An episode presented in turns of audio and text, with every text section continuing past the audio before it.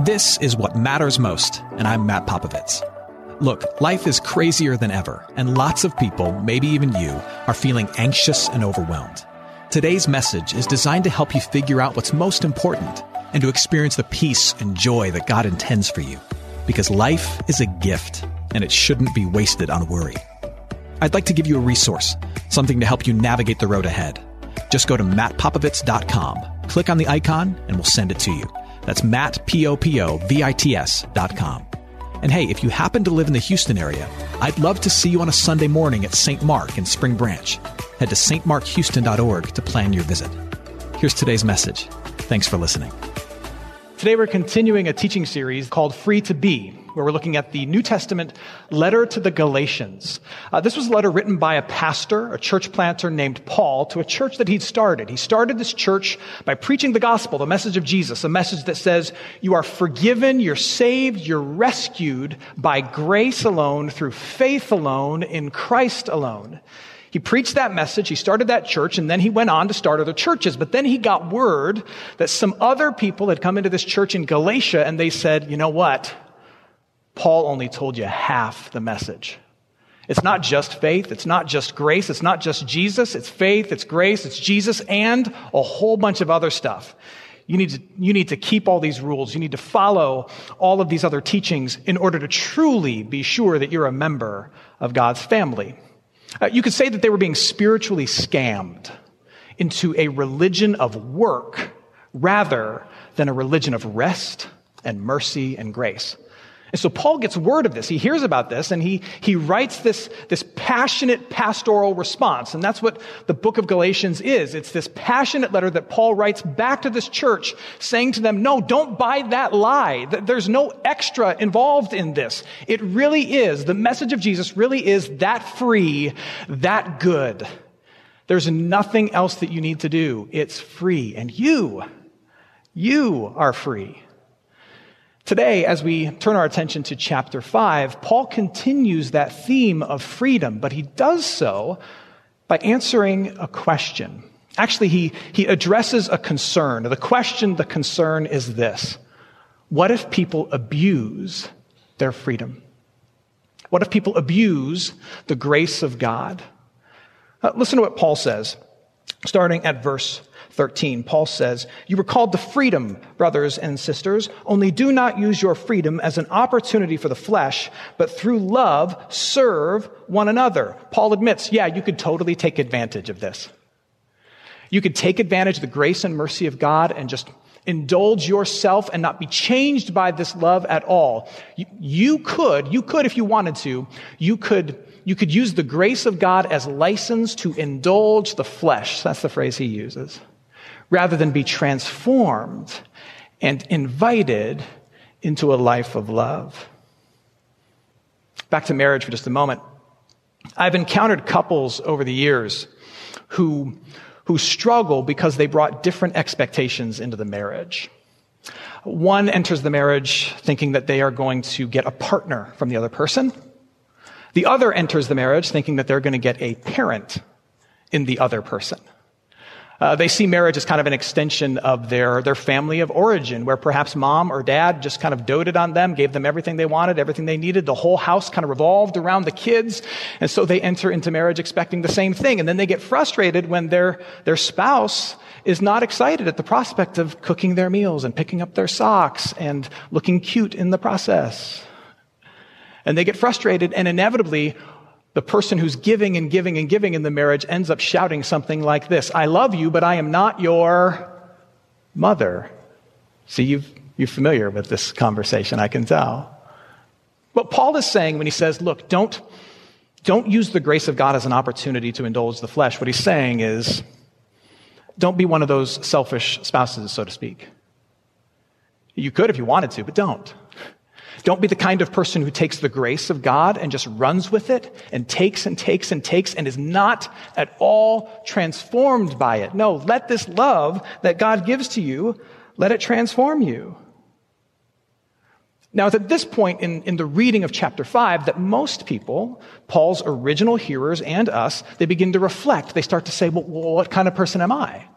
Am I the kind of person who indulges the flesh? And when Paul uses that phrase, which he uses a lot in the New Testament, indulging the flesh, what he means is, am I the kind of person who just gives in to my self-centered sinner heart and makes the grace of God a license to do whatever I want, however I want, whenever I want? Or am I the kind of person who is transformed by God's grace and I, I live a new kind of life I, I live the life that God wants me to be. Which kind of person am I? Do I take advantage of it?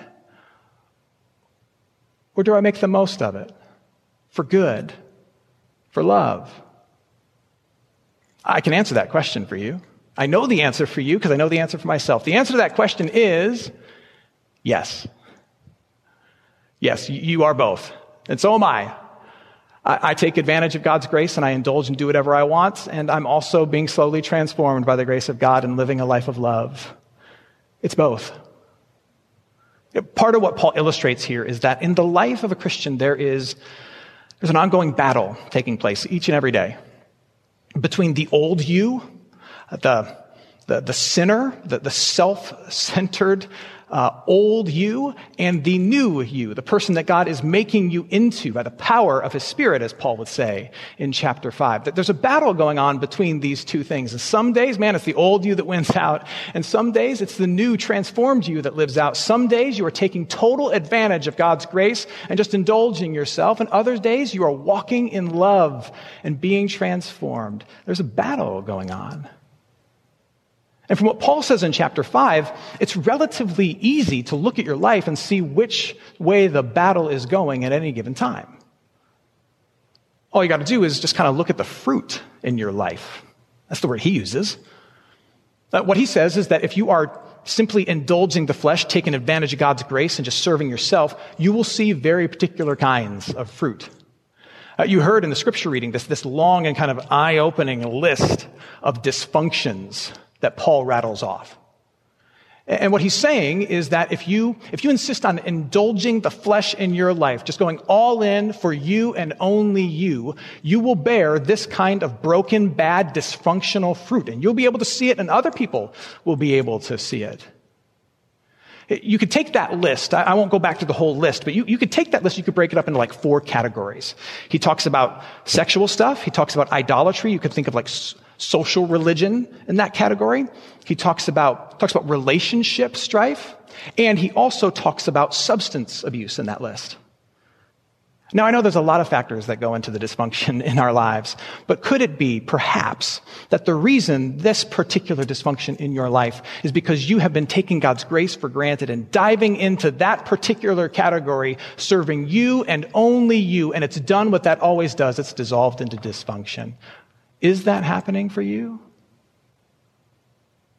Now, on the flip side, Paul says that when you are, you are being transformed by the love that God gives you through Jesus Christ, you'll, you'll see fruit there too.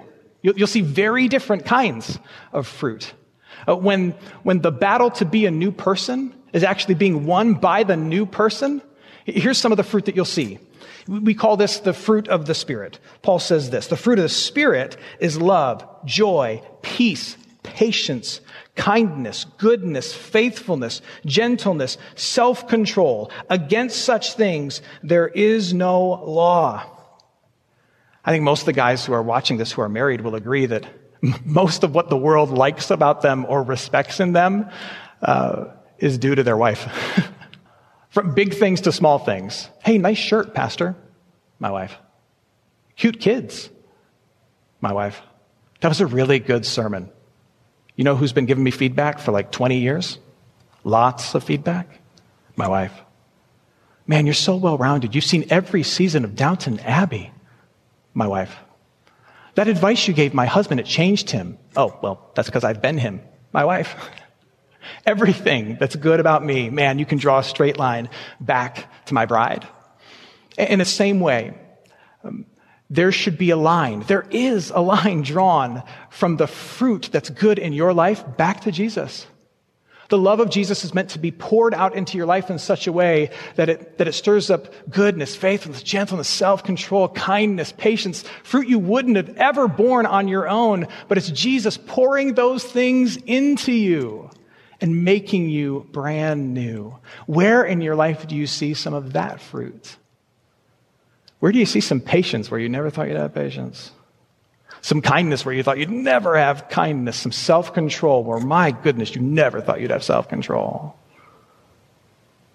It's Jesus.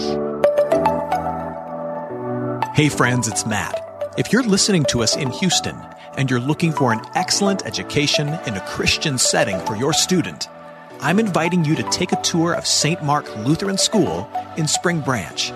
We serve infants through eighth grade with an excellent faculty, brand new facilities, and a faith forward curriculum. To schedule your tour, head to gostmark.org.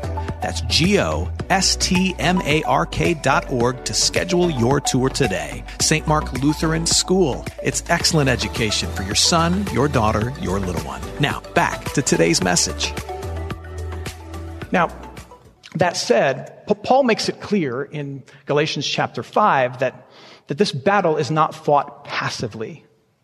Uh, we don't reject the desire to indulge the flesh passively. We don't, we don't bear the fruit of the Spirit passively. Uh, certainly, Jesus gets all the credit for the good stuff, but this is not something that's, ju- that, that's simply done passively in us. Uh, it, we are active participants in this battle. Paul mentions two things. He says that in the life of the Christian, we are to be about crucifying the flesh and walking in the Spirit.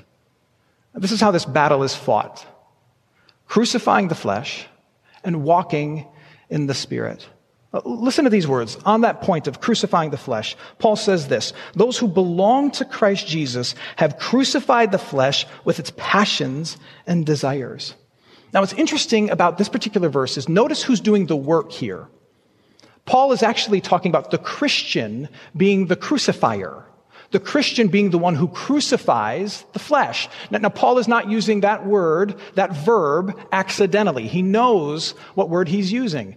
Uh, for Christians, crucifixion is a very and obviously loaded word. Crucifixion is how Jesus died for the sins of the world. We have vivid image, images in our mind of what crucifixion entails. And Paul means for you to see every single one of those when he thinks about the battle between selfish indulgence and bearing good fruit by the grace of God. A couple ways to describe crucifixion. Crucifixion was purposeful. It was public. It was painful. And it was prolonged. It was purposeful because no one ever was tacked on a cross on accident. People put Jesus there. It's public. It happened in front of the eyes of Jerusalem. It's painful, obvious reasons and it's prolonged. It took hours for the crucified to die. Here's what Paul is implying the battle that you fight against selfishness and indulging the old you, it is a, it is a, it is a purposeful battle. You must allow the person, the old you that is dying, to remain on the cross. It is a, it is a public battle. As you let go of selfish indulgence in all these different areas of life and you seek to bear fruit in step with God's grace and to let His love change you, it means that you will say no to things that other people say yes to. You will refuse to say things that other people let flow, flow freely from their lips. You will walk away from things that other people run toward because you are trying to let go of the selfish, self-serving impulses. And people will take note of that. It's also painful because it's a life of self-denial rather than of self-service. And there's nothing more enjoyable or celebrated, at least for a moment, in this world than being selfish. And yet that's not what you're called to. And it is prolonged. It takes a long time for the old you to die. You see, when you were baptized into God's kingdom, the death of that old, sinful, self centered you began. You died. You were tacked to the cross, so to speak. But now, part of your life of, of growing in faith is allowing the old you to be left there. And fighting the temptation, as the theologian John Stott says, fighting the temptation to invite the old you off the cross and to say, hey, oh, old, dying, sinful me, come and live with me, walk with me. be with me. The temptation to, to feel the nails holding the old you to its, to its death and to see if you can pull them out and set it free. You have to slap your hand and let go and say, no, this old person must die. Crucify the flesh. And of course, this is where things like confession and community come in.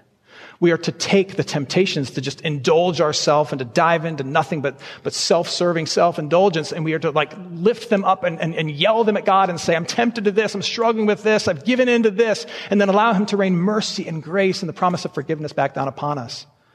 And we have to have people in our life who live in such close proximity and with such permission that they can see the craziness that I'm battling with and they can speak out against it and say, look, man, I see what's going on. I love you, but I gotta say, like, like this is not who you are supposed to be. This is not what we are all about. How can I help you, love you, forgive you, walk with you? Do you have like, do you have anybody in your life who is close enough proximity with the right permission to see and to speak? Do you have that person in your life? It's critical in the life of crucifying the flesh and leaving the old you on the cross to die.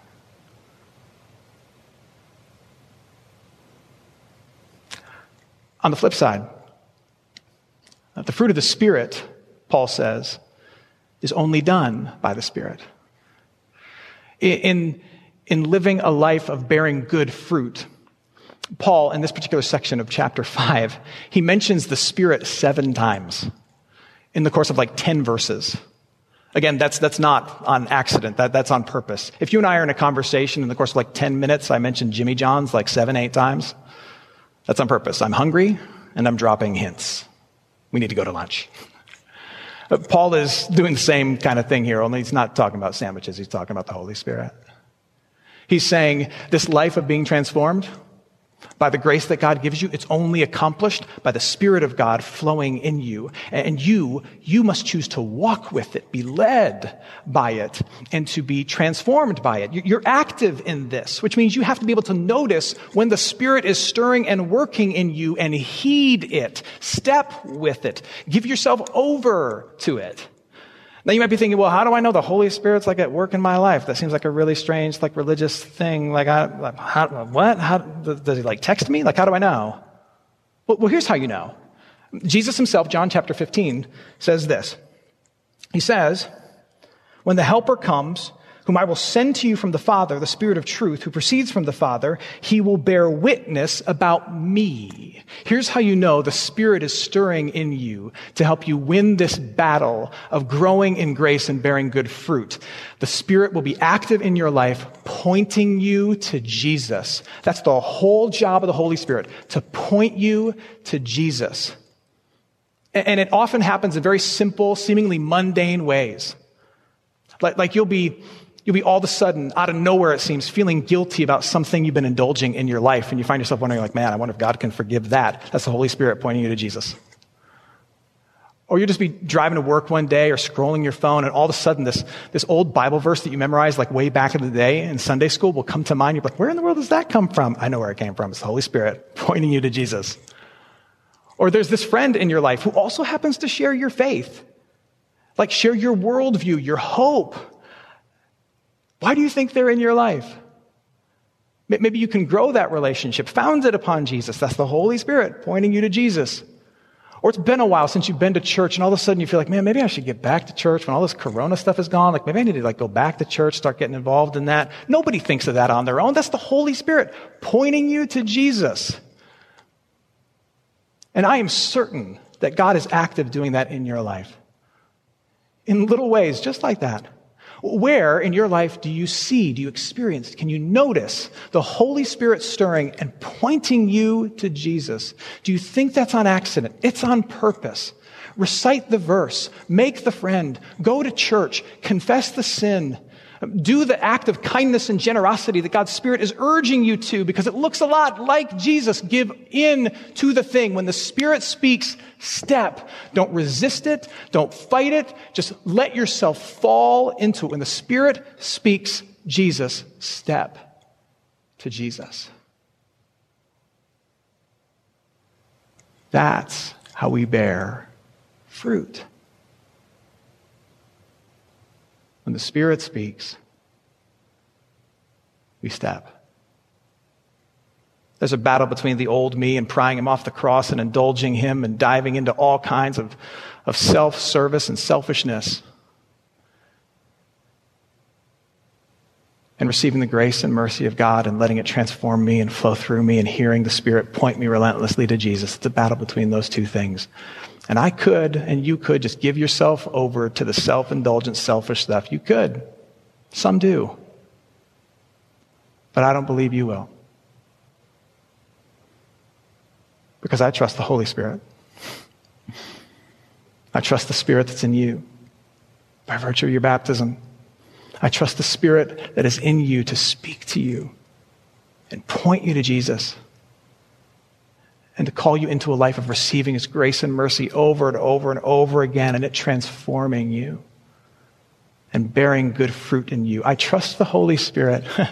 I trust the Holy Spirit to remind you and convince you that you are a string fit for a fiddle. Go with me on this. A string for an instrument can sit on a table and it's free. It can sit on a table and it's free and it can be used for dozens, hundreds of, of different things. But it's not truly free until it is bound, until it is tied, until it is tuned to the body of that instrument, and then it's set free to sing. Friends, that is you, that is me. We are free in Jesus Christ, but we are not free for anything. We are, we are free to be tied, bound, tuned to Him and the grace and mercy that He gives. And when we are, we sing. We bear good fruit. We bring forth kindness and goodness and patience and gentleness and self control that I need and that your neighbor needs, that this whole world needs. May you walk in step with the Spirit. May the Spirit win the battle. May you leave the old you on the cross today and bear good fruit. More next week. Let's pray. Heavenly Father, if we are being honest, we, we, we have to confess to you that there is a constant war being waged within us between just selfishly giving ourselves over to, uh, to, to indulging every want, every desire, every, every need that emerges in our heart and mind, and everything that the rest of the world tells us is most important. And listening to your spirit and hearing your voice and focusing instead on the love and the grace and the mercy that you give us. And letting that flow through us and change us and bind us in all the right ways. Father, I know that, that someone who's listening right now, who's watching, is, is in the heat of this battle. They're experiencing much of the dysfunction that Paul listed And the thing that they're doing is dissolving into dysfunction, and they and others are getting hurt in the process. Father, I pray that you would call them out of that and call them into something better. Call them into a knowledge, a wave of mercy and grace that is theirs through Jesus. And let that, let the knowledge of the mercy and grace that is theirs overwhelm them and free them for a life of love. We ask all this in Jesus' name. Amen. Hey, it's Matt. I hope you enjoyed what matters most. Here's what I need you to know life is a gift, and it shouldn't be wasted on worry. I want to help you figure out what's most important and to experience the peace and joy that God intends for you. So, for more content, you can head to mattpopovits.com. That's Matt, P O P O V I T S.com. There you can also support this ministry as well as access your free resource, a little something to help you navigate the road ahead. I'd also love to see you on a Sunday morning. If you're in the Houston area, head to stmarkhouston.org to plan your visit. In the meantime, hit me up on Instagram at mpopovits or at facebook.com slash Matt Popovits Ministries. Thanks for listening. Now go and hold tight to what matters most.